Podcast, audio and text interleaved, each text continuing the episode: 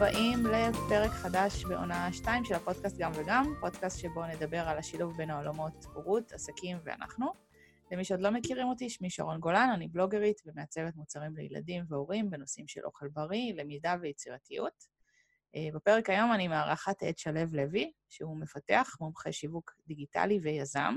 הוא עובד בעיקר עם מחלקות שיווק בסטארט-אפים, בתחומים של SEO טכני, שרתים, אנליטיקס, BI ואוטומציה שיווקית. אז היי שלו, מה נשמע? היי, hey, מעולה. בוקר טוב. אה, בוקר אור. אז אנחנו uh, נצא לדרך. Uh, בוא תספר לי קצת על, ה, על הדרך שלך, איך הגעת ל, למה שאתה עושה היום ולעסק שלך נכון להיום. אחלה. אז uh, אני, אני ככה התחלתי לתכנת uh, בגיל מאוד צעיר, זה פשוט היה מה שאהבתי לעשות. הייתי ילד מאוד סקרן, מאוד uh, חקרן כזה, ולומד ומברר דברים, וגם היה לי מחשב, זה היה בן 26, אז זה היה כשהאינטרנט פחות או יותר התחיל. אוקיי. Okay. Uh, ואז פחות או יותר ניסיתי להבין איך הדברים עובדים מאחורי הקלעים. התחלתי לפתח בוורדפרס כשזו הייתה גרסה 2. וואו. כן. אז עוד היו מערכות מערכות אחרות, כמו דרופל, כמו ג'ומלה, שגם בהן אה, יצא לי קצת להתעסק. אה, שרתי רדיו, כל מיני דברים שכבר היום לא... טכנולוגיות שכבר לא משתמשים בהן פחות או יותר. כן. אה, איפשהו עם הזמן ככה התגייסתי לצבא, גם הידע, הייתי, שירתי ביחידה קרבית, גם הידע פחות או יותר הפך להיות לא שימושי, וגם אני, אני לא כל כך התעסקתי בזה. Mm-hmm. אבל מיד שהשתחררתי, חשוב גם להגיד שבמהלך הצבא חזרתי בתשובה, ומיד שהשתחררתי היה איזושהי, איזשהו צורך אה, להתחיל אה, ולפרנס, אה, להתחיל לצאת ולעבוד בעצם. כן. ואז חיפשתי מה ה-go-to, מה הדרך הכי מהירה להתחיל לעבוד, והשתמשתי בכישורי תכנות שלי והלכתי ללמוד שיווק דיגיטלי. זאת אומרת. אוקיי. במקום ללכת ולחפש אה, עבודה כמתכנן. ומאז ועד היום זה מה שאני עושה, אנחנו מדברים על חמש שנים. מה זה אומר אבל שיווק דיגיטלי? איפה למדת? מה... יפה. אז למדתי במכללה שנקראת אקריו, אה, קורס. כן. בתחומים של SEO, PPC, אה, קצת שיווק ברשתות חברתיות. חשוב להבין שתוך כדי הקורס אני כבר התחלתי להכניס לקוחות אה, ולקדם, זאת אומרת, גם לקדם אה, אה, לקוחות פרטיים. הקמתי איזשהו עסק משותף, שפחות עבד בזמנו, והתחלתי להיות שכיר. אוקיי. איפה עבדת שכיר? זהו, זה, זה תחום שעיקר הניסיון בו לומדים, לומדים אותו מניסיון, מה שנקרא. אז אני כשכיר עבדתי בחברה קטנה ולא מוכרת שנקרא Smart Financial Traffic, איזשהו אה, אמ, בית לתוכן פיננסי של שני אנשים ואני, okay. אוקיי. אה, ועשינו דברים באמת באמת גדולים, כולל קמפיינים של SEO מאוד מאוד כבדים אה, במילות חיפוש מאוד מאוד גדולות. משם הגעתי לחברת uh, סטארט-אפ שעושה... עושה אתרי, אתרים של המלצות e-commerce, כל מיני השוואות מחירים ודברים כאלה. Mm-hmm. ומשם, זאת אומרת, ניהלתי שם מוצר, ומשם אה, התגלגלתי לעולם ה e-commerce, וניהלתי e-commerce במשך שנה וחצי בחברה שנקראה זמיגו, היום הם נקראים פיקטר. Mm-hmm. זה איזשהו מותג של אביזרי צילום. אוקיי. Okay. אמ, תוך כדי העבודה שם הבנתי שהמעוף האמיתי, זאת אומרת, המעוף שלי באמת מתאים לעצמאות יותר ופחות לעסק שכיר, ואז הקמתי את ה... העסק שלי. שזה לפני כמה זמן היה? כל השינוי הזה? שנה וחצי, פברואר שעבר. אוקיי, מגניב. אה, אז מה זה בעצם אומר כל הדברים האלה שאתה עושה? כי זרקת פה מלא מלא מילים, לא בטוח שכל מי שמקשיב לנו מכיר את הכל. אה, אולי SEO ו-PPC מכירים. נכון. אה, אז מה זה אומר? מה בעצם השירות שלך? מה הדברים שאתה מתעסק בהם? אז בגדול, זה, זה, זה משהו שהוא קודם כל צריך להבין שהוא פחות מתאים לעסקים הקטנים. כי עסק קטן, מה שהוא צריך זה קודם כל להתחיל לנוע. אבל uh, אחרי שהעסק מתחיל לנוע, ובמיוחד כשהעסק כבר צומח ו- וגדל, אנחנו מדברים על צומח ברמות של אפילו מיליוני דולרים בחודש, הייתי אומר. אז הוא, או, או איזשהו גיוס מאוד גדול שמכריח אותו לצמוח ולגדול מהר, אז הוא צריך uh, להגיע לקהל היעד שלו בכמויות מטורפות של אינטראקציה. הכוונה היא שהוא צריך לפעול בכמה ערוצי שיווק. זה יכול להיות גם SEO וגם PPC, אבל זה יכול להיות גם לייצר תוכן שהוא אה, מעל הממוצע, גם אם זה פודקאסטים, כמו שאנחנו עושים עכשיו, גם אם זה פרויקטים אחרים.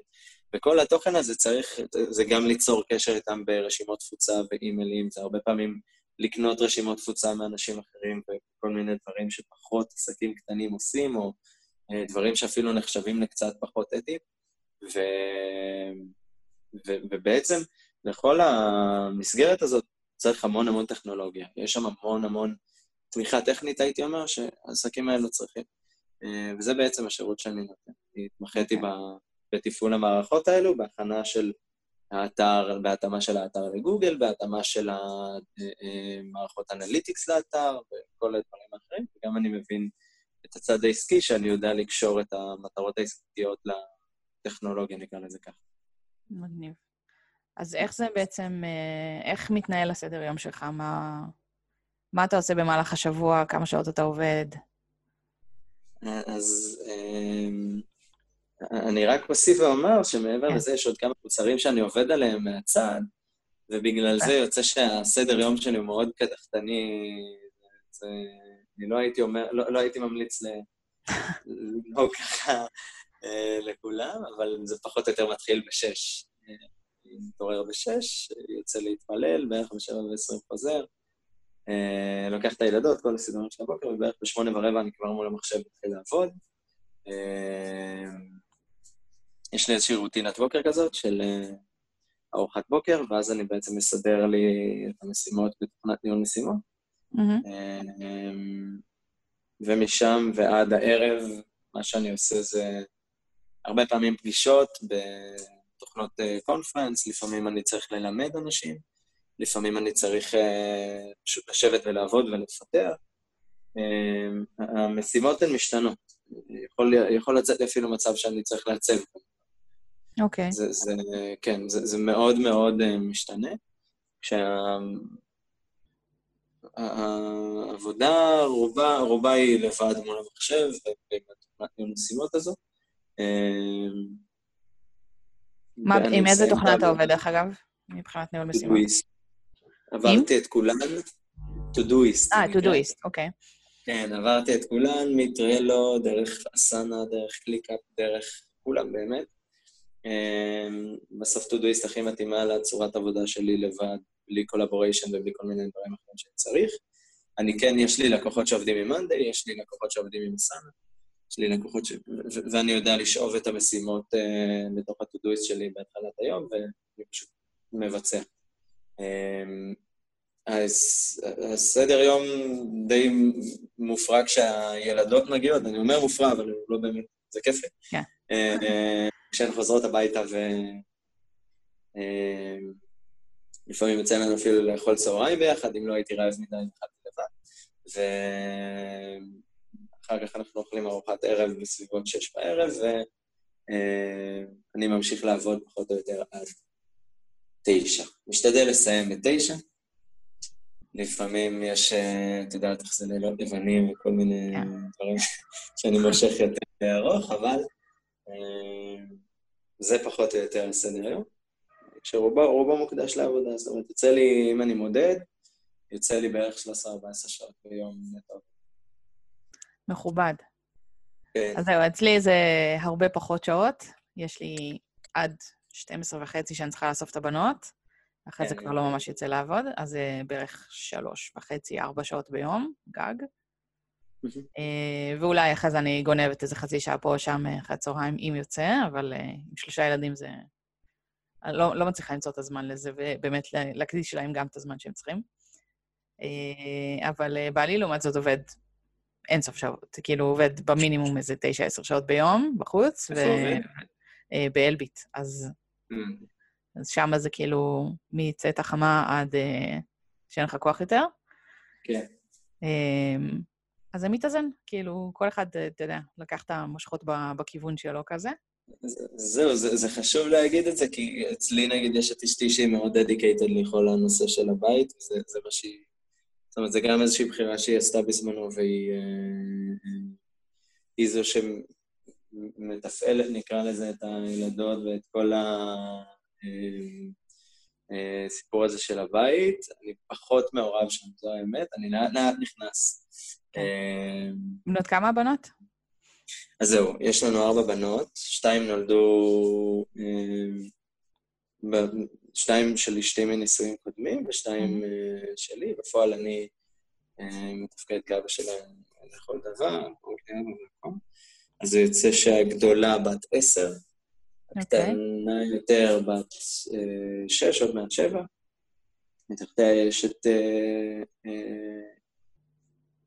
יש אחות בת ארבע כמעט, ועוד אחות בת שנתיים. וואה. אחלה הפרשים, אגב. כן. אה, מגניב. אז אשתך, כאילו, היא גם עובדת וגם עם הילדות, או שהיא... אשתי עובדת כמורה. אה, אה מושלם. וזו מורה מקצועית, בצורה כזאת שמאפשרת לה אה, לעבוד שלושה ימים בשבוע פחות או יותר, וגם זה ימי, ימי עבודה של מורה, זה נגמר... כן. אז זה, זה, זה מסתדר זאת אומרת, היא גם בחופשות עם הילדים. כן. האמת שזה, אני חושבת שהוראה זה כמה שהם הרבה נוטים להתלונן על השכר וזה, כשבאמת הוא מאוד נמוך אה, יחסית לשוק, אבל uh, מבחינת תנאים, אני חושבת שזה, כאילו, ברגע שיש ילדים קטנים, זה פשוט מושלם.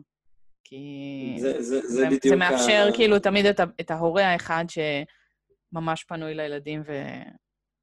ושם, ואני רואה את זה עכשיו, כאילו, אצלנו הם, הם קטנים, הם שש וארבע, Mm-hmm.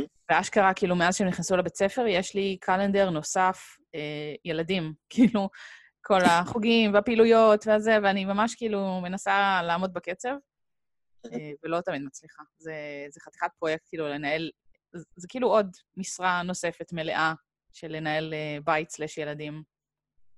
ו... בדיוק, והאמת שכאילו זה, זה גם... בעצם... מה? לא, אני אומר, זה, זה בעצם היה השיקול, כן? זה, זה, זה, זה לגמרי משרה מלאה, ולגמרי זה, זה אפילו, הייתי אומר, יותר מקלנדר נוסף, כי יש לך גם את הקלנדר של העבודה, כאילו, של ההוראה, ואז כן. היא, היא התחילה כגרפיקאית, זה אני יכול להגיד, היא גם okay. במשך שנתיים גרפיקאית בתחום שהוא לא מוכר כל כך לציבור, יותר כל התחום של אמנות וידייקה. Mm-hmm. כל מיני ציורי מנדלות ותוכי נייר ודברים כאלו. עבודות שנמכרות במאות אלפי דולרים אה, ליחידה.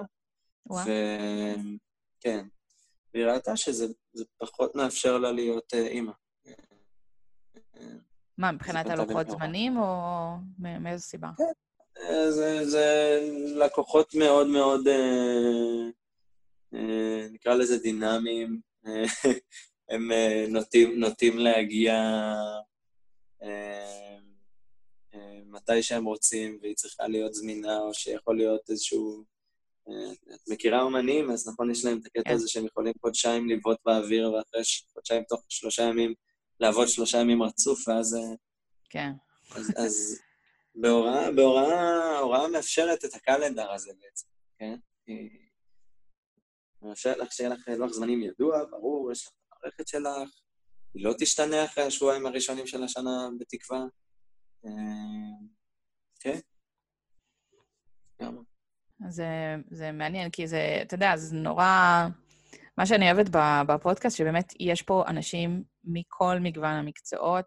אה, בעונה החדשה עכשיו שאנחנו מקליטים, אז יש גם הרבה אבות, מה שבעונה הקודמת היה פחות. Mm-hmm. ואני חושבת שזה מאוד מעניין לראות איך כל בן אדם אה, ניגש לחלוקת אה, תפקידים הזאת, שבין אה, להיות בן אדם שעובד ומכניס, בין אם זה עצמאי או שכיר, לבין mm-hmm. ההורות, שהיא גם משרה מלאה לחלוטין, שנחלקת בין שני אנשים בדרך כלל. ו... Mm-hmm. והעניין של לתמרן בין הכל ולמצוא את הזמן באמת לכל ילד ולתת לו את התשומת לב שמגיעה לו, ו... לדאוג שהשיעורים יהיו מוכנים, ומקלחות וכל התרגולת הקבועה. אה, זה דורש הרבה, וכל אחד מסתכל על זה בצורה ממש ממש שונה. זאת אומרת, יש את, ה, את הזוגות שצד אחד הוא יותר דומיננטי, יש את האלה שחולקים את זה בצורה מלאה. אה, אתמול ראיינתי מישהי שהיא חד-הורית, אז כאילו, הכל בעצם עליה.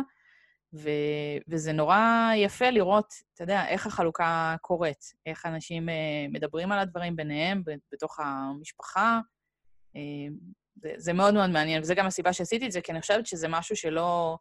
קודם כל, מול גברים זה לא מדובר מספיק בכלל. זאת אומרת, עדיין, עם כל זה שאנחנו דור חדש, יש עדיין את החלוקה המסורתית, אה, לרוב, או לפחות בתפיסה היא כזאת.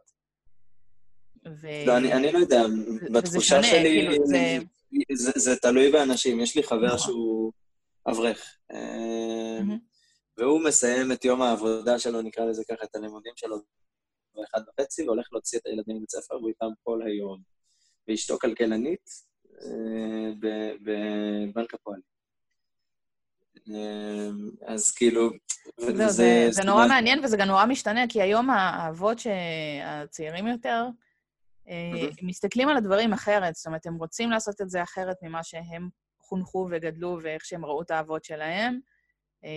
וזה ממש כאילו, הדור שלנו, אני חושבת שהוא הנקודת מפנה של החלוקת התפקידים הזאת.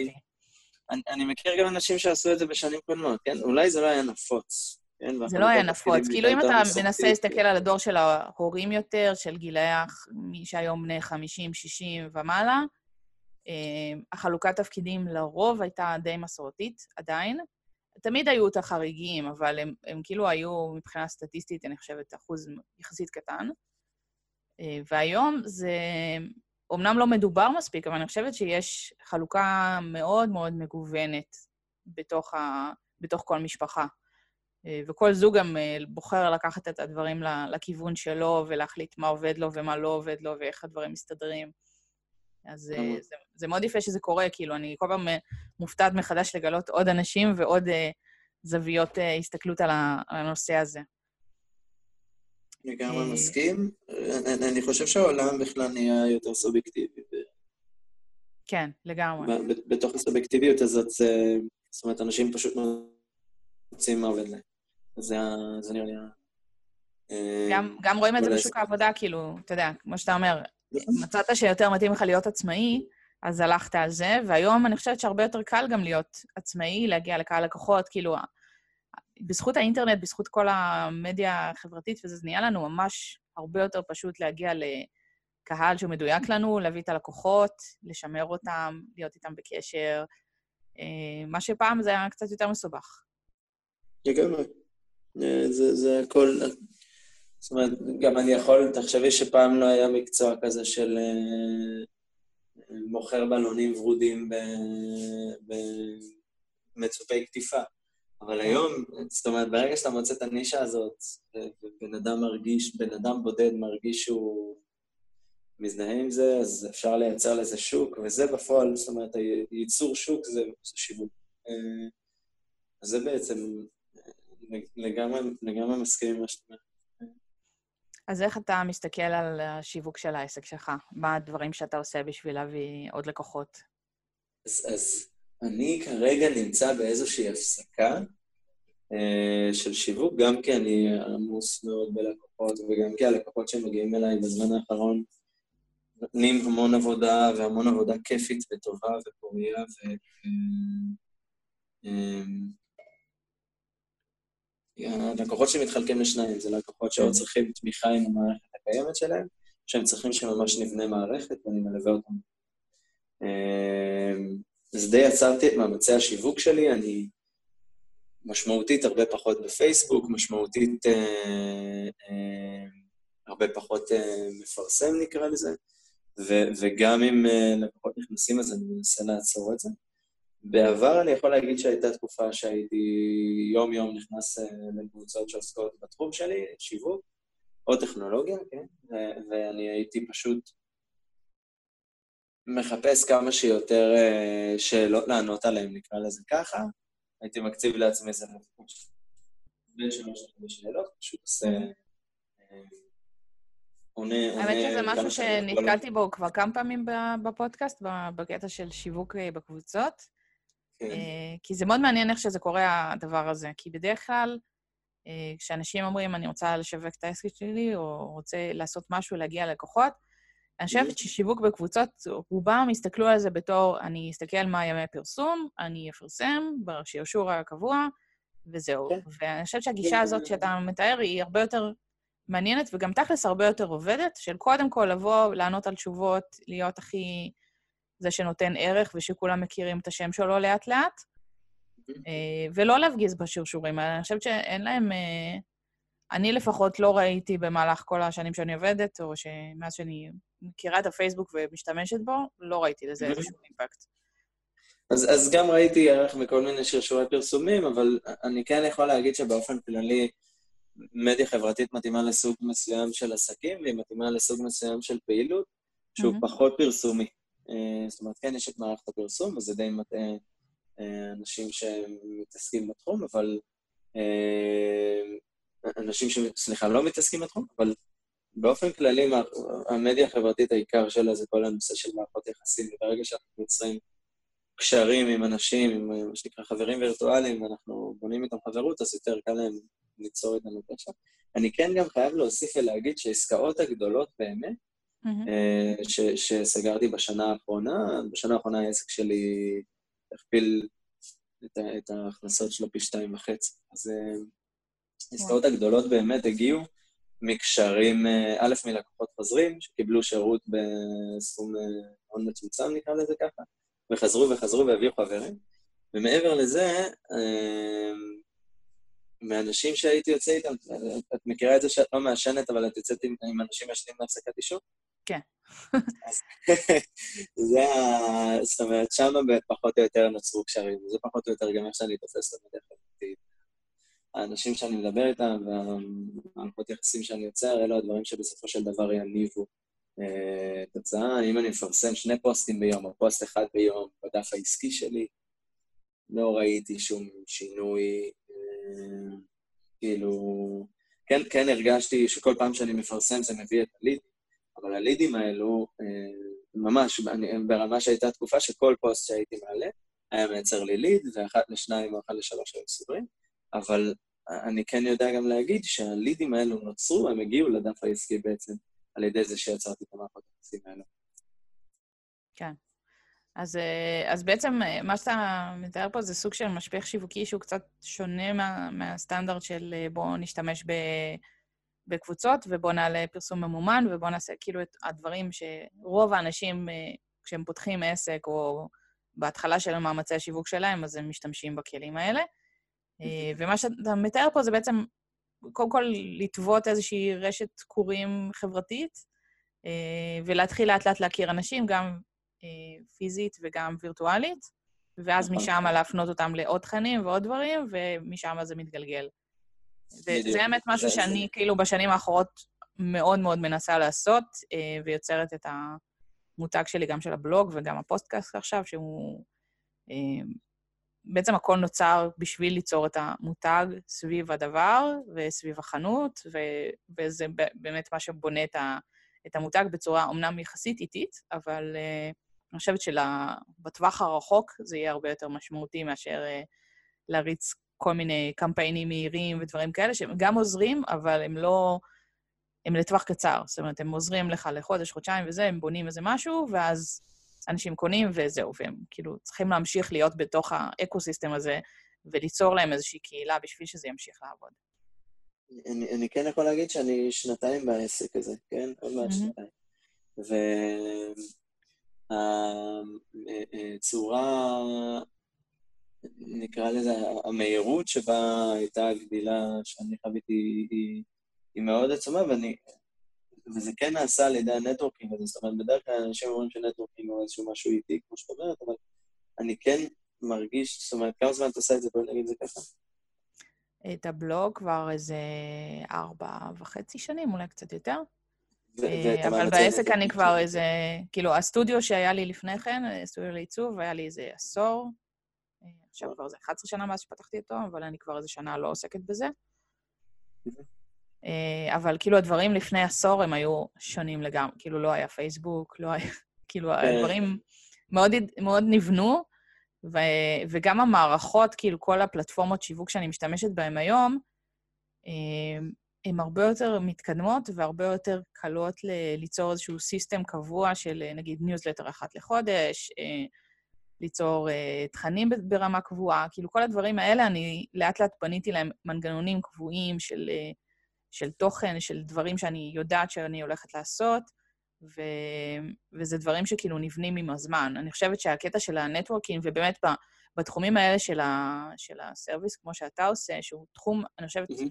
גם סופר נישתי, וגם, mm-hmm. וגם מאוד נצרך. זאת אומרת, ברגע שאנשים, במיוחד סטארט-אפים וכאלה, מבינים מה הערך של מה שאתה מביא.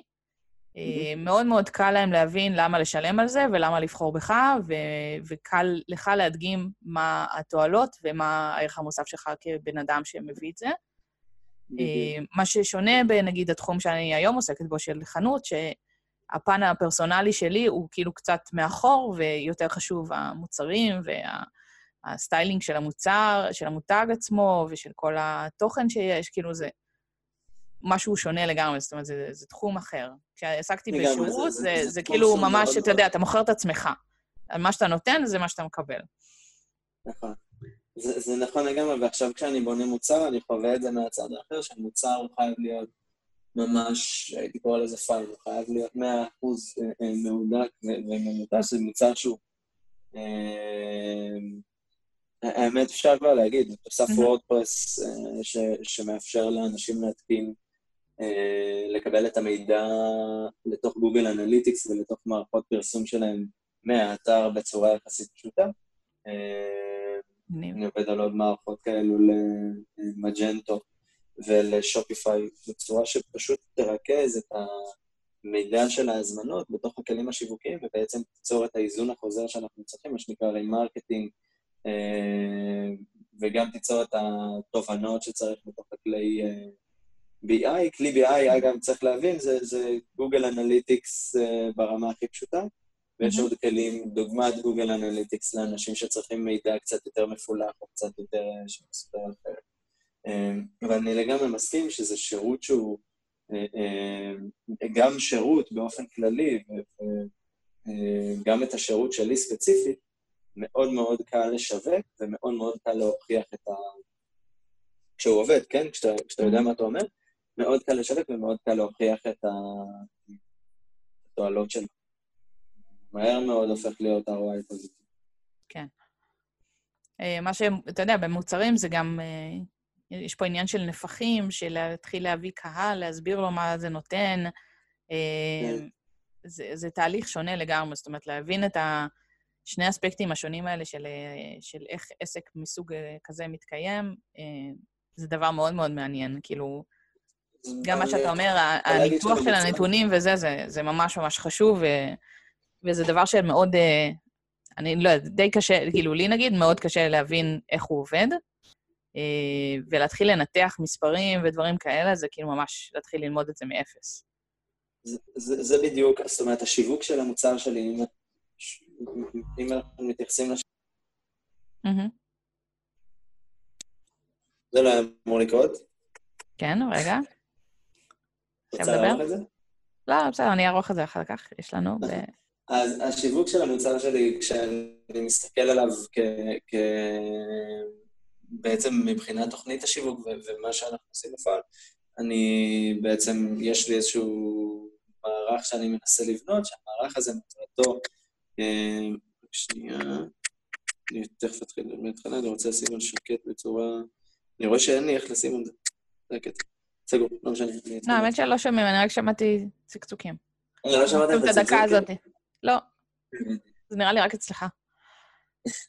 אז זה בסדר. אה, באמת, כשאני מסתכל על המערך של השיווק, של, של המוצר שלי, אז עיקר העבודה שלי היא לקחת ולחנך אנשים לזה שצריך את זה ואיך עושים את זה, ומה הצורה בעצם לגשת למערכות אנליטיקס, מה הצורה בעצם אה, איך אתה יודע שהשיווק האורגני שלך עובד, וכל מיני מענה לשאלות קטנות כאלו שיעזור לאנשים בעצם to kick off, להתחיל את המסע שלהם בתוך התחום.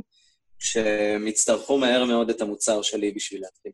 אה, זאת אומרת, האלטרנטיבה למוצר שלי עולה משהו כמו 300-400 דולר, mm-hmm.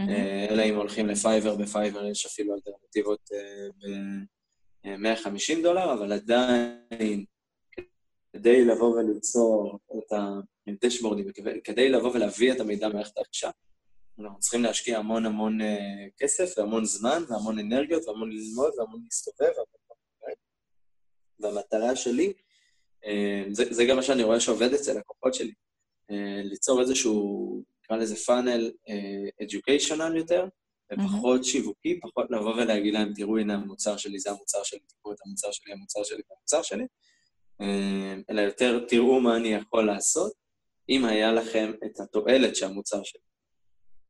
אה, זה, זה אחד הדברים שעובדים לי. עכשיו שוב, לכל מוצר יש, יש איזשהו פן אחר, אבל אני באמת רואה שאנשים יותר ויותר צורכים תוכן, יותר ויותר נרשמים למערכות כאלו, והאנשים שבאמת עושים leverage לצד החינוכי, הם באמת ממנפים את הידע שלהם ונותנים את הידע שלהם בחינם. כשהם מוכרים איזשהו מוצר משלים, אז אני באמת רואה הצלחה בכל המובנים אה, בעסק שלהם, לפחות מבחוץ. כן. אבל אה, מהר מאוד אפשר לסבור. האמת שיש לזה גם היגיון, כאילו, ממה שדיברנו קודם על אה, נטוורקינג ו- ודברים כאלה. זאת אומרת, ההיכרות פה, גם אם היא אישית בפן של אה, אני קורא את התוכן שאתה יוצר, שמלמד אותי דברים, ותוך כדי אני גם מכיר אותך, mm-hmm. ההיכרות הזאת היא מה שגורמת לנו ל- להכיר את הבן אדם ולסמוך עליו, ולדעת ש- שאנחנו מדברים עם מישהו שיודע על מה הוא מדבר, ושאנחנו יכולים ללמוד ממנו עוד דברים, ועם הזמן, ברגע שהוא יציע לנו מוצר, מן הסתם יהיה לנו הרבה יותר קל לקנות ממנו ו- גם להבין תוך כדי הדרך מה המוצר הזה ייתן לנו ואיך הוא יעזור לנו בעסק. חד משמעית, כש, כשעדיף שהתוכן יתמוך, עוד פעם, בתועלות של המוצר. זאת אומרת, לכל מוצר יש uh, כל מיני תכונות ויש כל מיני תועלות. ואני. אם, אם אני בא ונותן את ה... נגיד את התועלת של כיסא, אז התועלת של כיסא היא נוחות, והתועלת של כיסא היא היכולת שלי לשבת עליו, והתכונה שלו היא איזושהי עיקרית או איזשהו ואנשים שמתעסקים המון במוצר, זה בדיוק הפוך אצל אנשי מכירות, אגב, אבל אנשים שמתעסקים מאוד במוצר, מרבים לדבר על התכונות. Uh, התכונה היא, יש לנו מוצר שהוא בתקן כך וכך, הוא א', ב', ג', ד', ופחות, מהר מאוד שוכחים את ה... בעצם לבוא ולהגיד מה התועלת של המוצר הזה. וזה כן. משהו שהוא מאוד מאוד חשוב uh, לדברר, והחינוך, הפאנל החינוכי, הוא צריך להיות מבחינתי יותר קשור לתועלות ופשוט פחות קשור לתכונות. אני הזכרתי את זה גם מקודם, אנשי מכירות מרבים לדבר על התועלות של המוצר ברמה כזאת שכבר קשה לך להבין בעצם מה המוצר, מעבר למה יהיה לך ומה ההבטחה הגדולה שהמוצר מביא. אה, מה יש בתוכו? מה אני? כן, אני חושבת שזה, כאילו, מבחינת המסרים, דברים שאתה מדבר עליהם, צריך לבנות את זה בצורה מאוד אה, ברורה, וכאילו יש את רמת התועלות ורמת ה... אה, באמת התכונות שגם צריך לספר עליהן, כאילו, חלק מהאנשים זה כן מעניין אותם באיזשהו שלב של הדרך, אה, אבל בהחלט אנחנו עדים לשינוי די רציני בכל הנושא הזה של מה שנקרא תוכן הוא המלך, כאילו אנשים ש... שיוצרים תוכן שהוא מעניין ומלמד, ו... ואנשים שצורכים את זה ברמה הרבה יותר גבוהה. וזה משהו ש... שרואים אותו ככה הולך ועולה, גם בוויס, כאילו, בפודקאסטים ודברים כאלה, וגם אה, בבלוגים. אה, לאחרונה דווקא ראיתי לפני, אתמול קראתי איזה סיכום של כנס שהיה אה, באנגליה על שיווק, ובאמת רואים שגם התחום של הבלוגים הוא אחד החזקים, אם לא הכי חזק היום, מבחינת תוכן שאנשים צורכים, והוא רק ילך ויעלה בשנים הקרובות. אה, שזה קצת מפתיע, כי כל הזמן אומרים, הבלוגים מתו, ותוכן אה, כתוב ואנשים לא קוראים, ורק מרפרפים וכאלה, אבל תכלס, אה, זה, אני חושבת, הדרך הכי מהירה להגיע לאנשים, וגם הכי יחסית קלה מבחינת איך אתה יוצר את זה. מ-2004 אומרים ש-SEO מת. כן, ועובדה שלא. זאת אומרת, כאילו, או שהוא רוח רפאים כלשהי, או ש... הוא כנראה לא מת, הוא פשוט כל פעם צריך להתאים את עצמו מחדש. אגב, אני יכול להגיד שגם עכשיו יש איזשהו דיבור מאוד מאוד חזק על זה ש-SEO, אה, זהו, מת. גוגל הכניסו משהו שנקרא תוצאה אפס. מתחילים לקחת יותר ויותר תנועה מכל מיני אתרים. אם פעם הייתי צריך להיכנס ל-AccuWeather, לראות מה תהיה הטמפרטורה מחר, יש ווידג'ט בתוך עמוד חיפוש, זאת אומרת מה הטמפרטורה. אז אני כבר לא צריך להיכנס לתוך האתר, ובאמת סוג כזה של אתרים נעלם. מצד שני, אני יכול להגיד שיש לי לקוח ששילש את התנועה שלו בזכות התאמה לכל הנושא של תוצאה אפס. אה, לקוחה אחרת אה, הכפילה פי אחד וחצי, שזה כאילו 150 מה זה אומר? אה, תן ככה הסבר קצר למי שלא מכיר. תוצאה אפס בעצם, גוגל משנים את האלגוריתם שלהם כדי שהוא יבין את הקונטקסט בתוך, ה, את ההקשר שנובע מתוך הדברים, ואת הדברים, את, את התוכן לא רק את התוכן עצמו שכתוב ולא רק את מילות המפתח שמופיעות, אלא את הלך הרוח הכולל של כל מה שהטקסט בא להגיד. אם אני קורא פסקה, אני יכול לתמצת אותו לאיזשהו משפט. אז זה בעצם מה שהאלגוריתם הזה מנסה לעשות.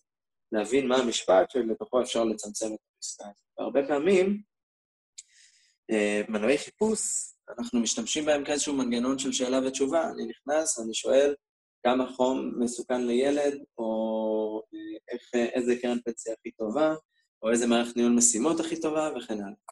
ו... אה, וגוגל, תפקידו לה... להציג לי את התשובה. עכשיו, פעם הוא היה שולח אותי לעשר שאלות, כשאני כמובן הייתי מקליק. 31% היו מקליקים על הראשונה, 17% על השנייה וכן הלאה. כשהעמוד השני, זאת אומרת, אחרי התוצאה ה-11 והלאה, הם כבר uh, מקום מצוין לקבור בגופה. אין, uh, אין, אין כל כך מה לקדם שם, ואין... Uh, זאת אומרת, זה, זה רק תחנה בדרך לעמוד ראשון. אמ, משהו שקרה בשנתיים האחרונות, בשנה האחרונה בישראל, זה שהתחילו להיכנס אה, כל מיני רכיבים נוספים לתוך מנוע החיפוש, אמ, שהם מציגים כביכול את התשובה הנכונה אה, בצורה מודגשת. זו לאו דווקא תמיד תהיה התוצאה שהייתה התוצאה הראשונה, אלא הרבה פעמים באמת מה שגוגל זיהה כתשובה הנכונה. זה מה שנקרא תוצאה אפס. תוצאה אפס מוצגת על פחות או יותר חצי מסך, תופסת את כל החלק העליון של אה, אזור החיפוש, ובעצם מאפשר ללקוח לראות את התשובה, ואם הוא רוצה, הוא יכול אה, ללחוץ על הקישור גם לאתר ולהיכנס ולקרוא בתוך האתר. אמ, מה שנקרא snippet? או שזה לא, לא זה? לא, snippet, snippet זה איזשהו רכיב שאני מטמיע באתר בשביל שיוכלו לקרוא, כן, זה, זה מידע שאני נותן לגוגל, אבל לצורך העניין, אם פעם הייתי צריך ממש להילחם ולעשות הטמעה מאוד מורכבת בשביל שיהיה אה, את המצרכים של המתכון מוצגים בתוך, אה, בתוך האתר שלי, אם אנחנו מדברים על אתרים מתכונים לצורך העניין. הייתי צריך לעשות rich snippets וכל מיני אה, פריטי מידע שישלחו את המצרכים לגוגל, היום אה, גוגל יודע לקחת את המתכון מהאתר שלי ולהציג אותו, זאת אומרת, בעזרת ה snippets האלו, להציג אותו בצורה גדולה יותר על גבי מנוע החיפוש, בתוך עמוד החיפוש, בלי שבן אדם אפילו יצטרך להיכנס לאתר שלי. אה, כמו שאמרתי מקודם, אחד התוצרי לוואי של זה, זה שאתרים כמו אה, אתרי תחזית, אתרי שאלות ותשובות, אתרים שמראים כל מיני זמנים, אתרי לוח שנה, פחות או יותר מתבטלים. אתר מחשבון, פעם היו אתרים שהייתי צריך ל... להיכנס לתוכם, אם הייתי רוצה מחשבון דיגיטלי, היום אם אני מקליד מחשבון, גוגל פותח לי מחשבון, אם אני מקליד אפילו שאלה מתמטית, הוא משיג לי את התשובה בשורת הכתובת, ואני יכול לפתוח מחשבון מדעי מלא בתוך עמוד החיפוש. אמ, טיימר, זה הרבה דברים שאנשים לא יודעים, אבל יש לנו ממש טיימר בתוך אה, מנוע החיפוש אה, עצמו. אמ, זה, זה ככה המון דברים שהם נוצרו, אה, נוצרו לאורך זמן. לאורך הזמן הזה, ובעצם נותנים לנו איזשהו... ללקוח כמובן שזה הרבה יותר מקל, כן? הם נותנים תשובה מהירה מאוד. כן? ולבעל העסק או לאותם אתרים, יש אתרים שנפגעים מזה, ויש אתרים שמאוד מרוויחים מזה, כי הם מקבלים את המהימנות הגדולה שגוגל מפתיר אותם בתשובה הנכונה, אפילו היו במקום הרביעי, לפי האלגוריתם. אמ, גוגל מוצא שהם התשובה הנכונה ומעלה אותם למקום מעל המקום הראשון בעצם, במקום אפס. זה מגניב. השאלה איך באמת הם אה, יכולים להכיר ולהתאים את האתרים שלהם בצורה כזאת שזה יעבוד להם חלק, או שאתה פשוט מזין את התוכן ו... וגוגל בעצמו עיקר, יודע... עיקר הטיפים, עיקר הטיפים שאני נותן ללקוחות שלי, ללקוחות שלי הם uh, לרבות המון בתוכן של שאלות ותשובות, mm-hmm. לנסות להעמיק כמה שיותר ולרכז כמה שיותר את התוכן שלי בצורה שהיא, uh, נקרא לזה, היא עונה על, על מושא השאלה. להסתכל על, על, כשאני חוקר מילות מפתח, לצורך העניין, זה איזשהו תהליך שאני מקבל פלט של מילות מפתח שקשורות ממילת מפתח מסוימת שהאזנתי, לא משנה איך עושים את זה. אה, זה, זה כבר נושא לקורס, מה שנקרא. Mm-hmm. אבל אה, ברגע שאני מקבל את מילות המפתח, אני צריך להבין מה השאלה שהלקוח שאל. זאת אומרת, אם הוא מחפש אקמול, יכול להיות כל מיני הקשרים שהוא מחפש. אה, הוא מחפש אקמול כי הוא רוצה לקנות אקמול, או שהוא מחפש אקמול כדי לראות את העלון לצרכן, כדי לדעת כמה ילד בן 12 צריך לקבל ולא שהוא לא ייתן לו מנה של אה, בן אדם בן 30. ואני צריך לקחת ולהסתכל על המילים, או יותר, נגיד את זה בצורה אחרת, לכוון למילים שכמות החיפושים בהם היא יותר קטנה, אבל יותר מדויקת למותג שלי. אם, אני, אם אנחנו מדברים על אתרים מתכונים, אז mm-hmm. כשמישהו מחפש סומסום, אני לא יודע למה הוא מחפש סומסום, אבל אם הוא מחפש איך הופכים מסומסום לטחינה, זה משהו שאני יכול לבוא ולענות עליו ולקבל ככה את התנועה ולהתאים את עצמי בעצם לתוצאה אפס בתואמה. כן. זה, זה השינוי המרכזי, האמת שאצלי התהליך הוא טיפה שונה. המחקר מילות מפתח שאני עושה, אה, היום הוא פחות אה, מתבסס על כל מיני כלים אה, חינמיים ובתשלום, אלא יותר בזכות זה בעצם שיש לי קהילה ואני יכולה אשכרה לדעת מה הם שואלים ומה מעניין אותם בתחומים שאני עוסקת בהם. אז uh, אני רואה גם לפי התשובות וגם לפי uh, ההצעות שגוגל מציע לי לתחילת שאלה של כל מיני דברים שאני יודעת שאנשים uh, שואלים ו- ומסתקרנים לגבי התחום הזה. Uh, ואז ככה אני פשוט יודעת איזה תכנים אני עושה, איזה פוסטים אני כותבת. יש פוסטים שהם סדרה של פוסטים שמקושרים אחד לשני, וכל תחת איזה נושא, מטריית uh, על כזאתי, uh, וכל אחד עונה בעצם על שאלה אחרת.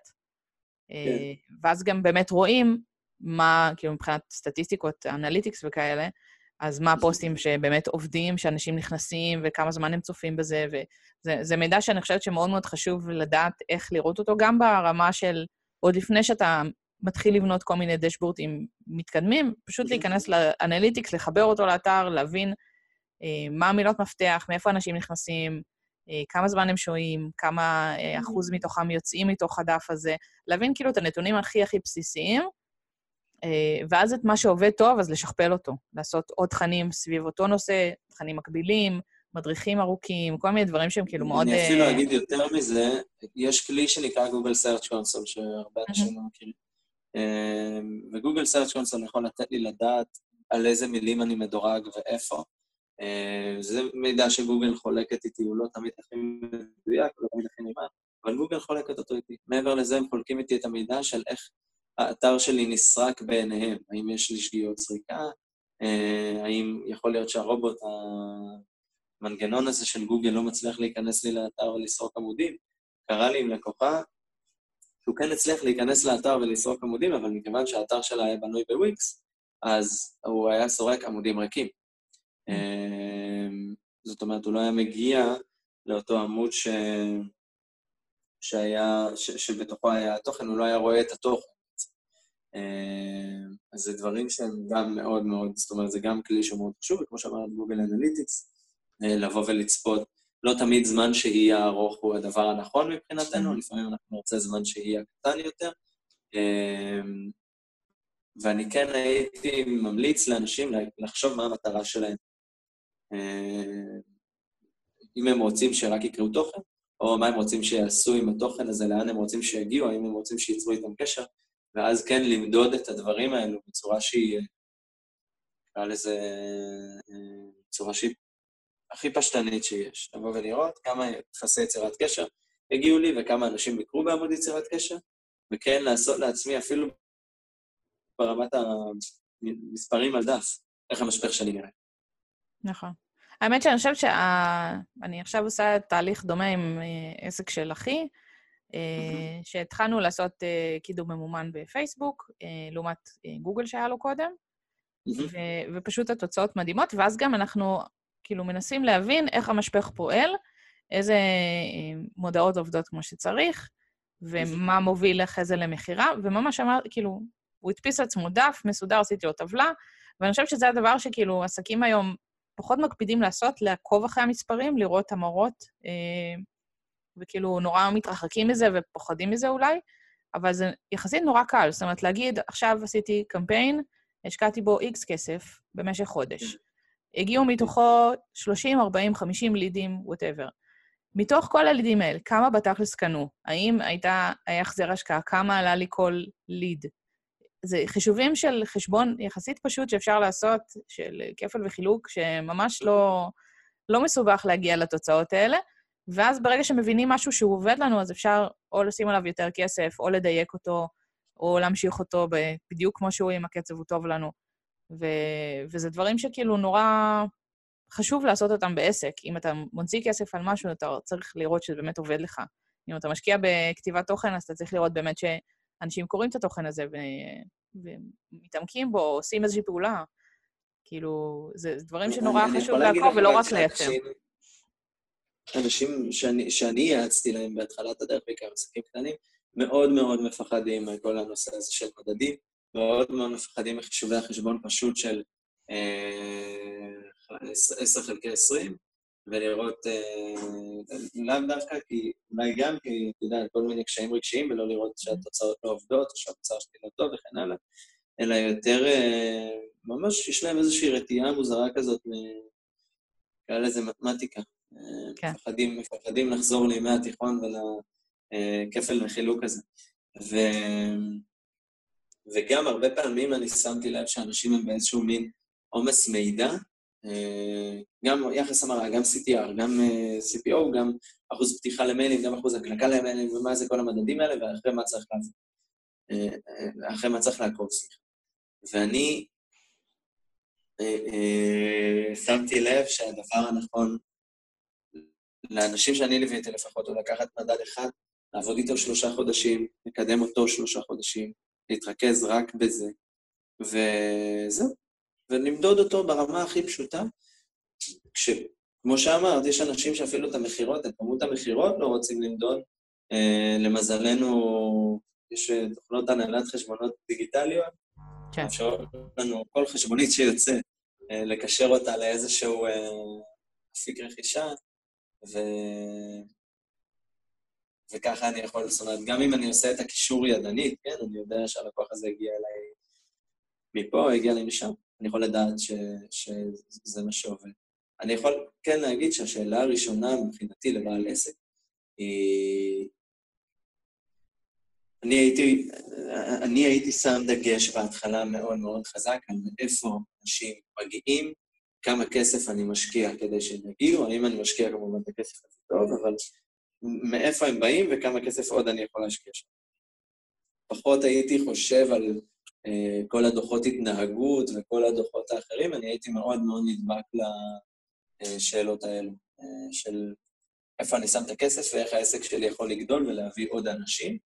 אה, כי אחר כך, ברגע שיש לי, נגיד אם יש לי 20 אנשים, מאוד קשה לי לקבל החלטות. זה לא איזשהו מדגם שהוא באמת אמיתי, אבל אם יש לי אלף אנשים בתוך האתר, קצת יותר קל לי לקבל החלטות, ובטוויק קטן, למשל, צמצום שדות הטופס הוספת טופס באמצע העמוד, או כל מיני דברים כאלו, אחוז ההמרה גדל, וזה כבר מביא את האימפקט שאני חיפשתי שיהיה לי בעסק. אה, זה תמיד מתחיל ברכישה. תמיד מתחיל באיך האנשים מגיעים לתוך האתר שלי. ואני חושבת שמה ש... שחשוב פה, כאילו, אם אנחנו מדברים בעיקר על עסקים שהם יחסית בתחילת הדרך, כי כמו שאתה אומר, יש פה הצפה מטורפת של כלים ומדדים וכל מיני דברים שאנחנו צריכים להתייחס אליהם. אה, ההתמקדות בדבר אחד ההבנה שברגע שאנחנו ניצור איזשהו תהליך שעובד לנו, שאנחנו יודעים שעובד, שכבר קל לנו לבצע, כמו בעצם כל הרגל שאנחנו יוצרים לעצמנו, בין אם בעסק או באופן פרטי, ברגע שדבר אחד יהיה מסודר, אז יהיה לנו את הפניות של החשיבה וה, והכוחות להתעסק בעוד דבר. אם אנחנו נתחיל להתעסק עכשיו בעשרה דברים במקביל, לא נגיע לשום מקום בעשרת הדברים האלה. אז צריך באמת לתת איזשהו תעדוף, וכמו שאתה אומר, לתת תעדוף למשהו ש... לדבר הכי מרכזי, שזה הכסף שנכנס וכמה לקוחות שמגיעים, אה, אני חושבת שזה באמת הצעד הכי נכון אה, גם בהתחלה וגם בהמשך, לדייק אותו כל הזמן. ואחרי זה, כשיש לנו זמן ויש לנו מספיק תקציב, להתחיל לחשוב על דברים יותר מתקדמים ש... שלא קשורים לזה, שמעבר לזה, שרק עוזרים לזה להיות עוד יותר טוב. מסכים ב-200 אחוז. וכן, גם צריך להבין שאחרי זה השינוי הקטן שאני אעשה, הוא יהיה כל כך עוצמתי ומשמעותי, שאם אני אעלה מ-3.1 אחוז המרה ל... נגיד 3.7 אחוז המרה, כן, שהשינוי כל כך לא עוצמתי, אבל יהיה לי שם כמות מאוד גדולה של אנשים, יהיה לי גם מאוד קל לבוא ולעשות את זה. אה, זאת אומרת, התוצאות יבואו בכל שינוי קטן. מאשר שאני עכשיו איאבק על יחס המרה של 5 אחוזים, ו... לגמרי. ואעלה משלוש לחמש, זה, זה... צריך להבין, השאלה הכי חשובה לבעל עסק היא מה, מה... היא לא איזה הזדמנויות יש, אלא מה, איזה הזדמנויות. אמ, וכל אחד מהמדדים האלו בעצם מראה הזדמנויות, ו- וקובע אם הן טובות או לא. השאלות הראשונות שאני הייתי שואל בעסק זה איך יותר אנשים שומעים עליי, ואיך יותר אנשים שומעים על המוצר שלי, ואיך יותר אנשים מכירים את זה. אחר כך, באמת הייתי גדל למקומות אחרים של... אה, באמת, באמת מקומות אחרים נקרא לזה. כן. אה, יחסי המרה, אה, מוצרים נוספים, upsale ים, אוטומציה שיווקית, כל מיני דברים כאלו, שזה באמת דברים שעושים scale. לגמרי. אז בואו נלך טיפה לנושא אחר ככה לפני סיום. אה, אנחנו דיברנו ככה לפני ההקלטה, שאתה אה, שומע הרבה פודקאסטים, וגם אני, האמת, נכון. מאוד מכורה לפודקאסטים. אני חושבת שזה אחד הדברים הכי כיפים ללמוד דרכם אה, דברים חדשים. אז ספר לי קצת, איזה, איזה דברים אתה שומע? המון פודקאסטים של מתכנתים, רוורסים עם פלטפורמה,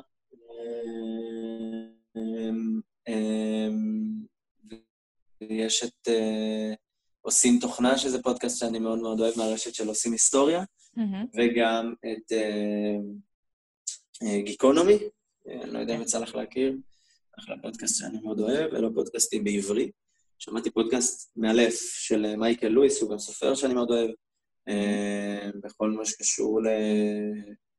זה איזשהו תחקיר שהוא עשה בין שבע פרקים על עלמות השופט בחברה האמריקאית, משהו באמת, כאילו, הוא מספר את זה בצורה הרבה יותר נחמדה ממה שזה נשמע. אמ,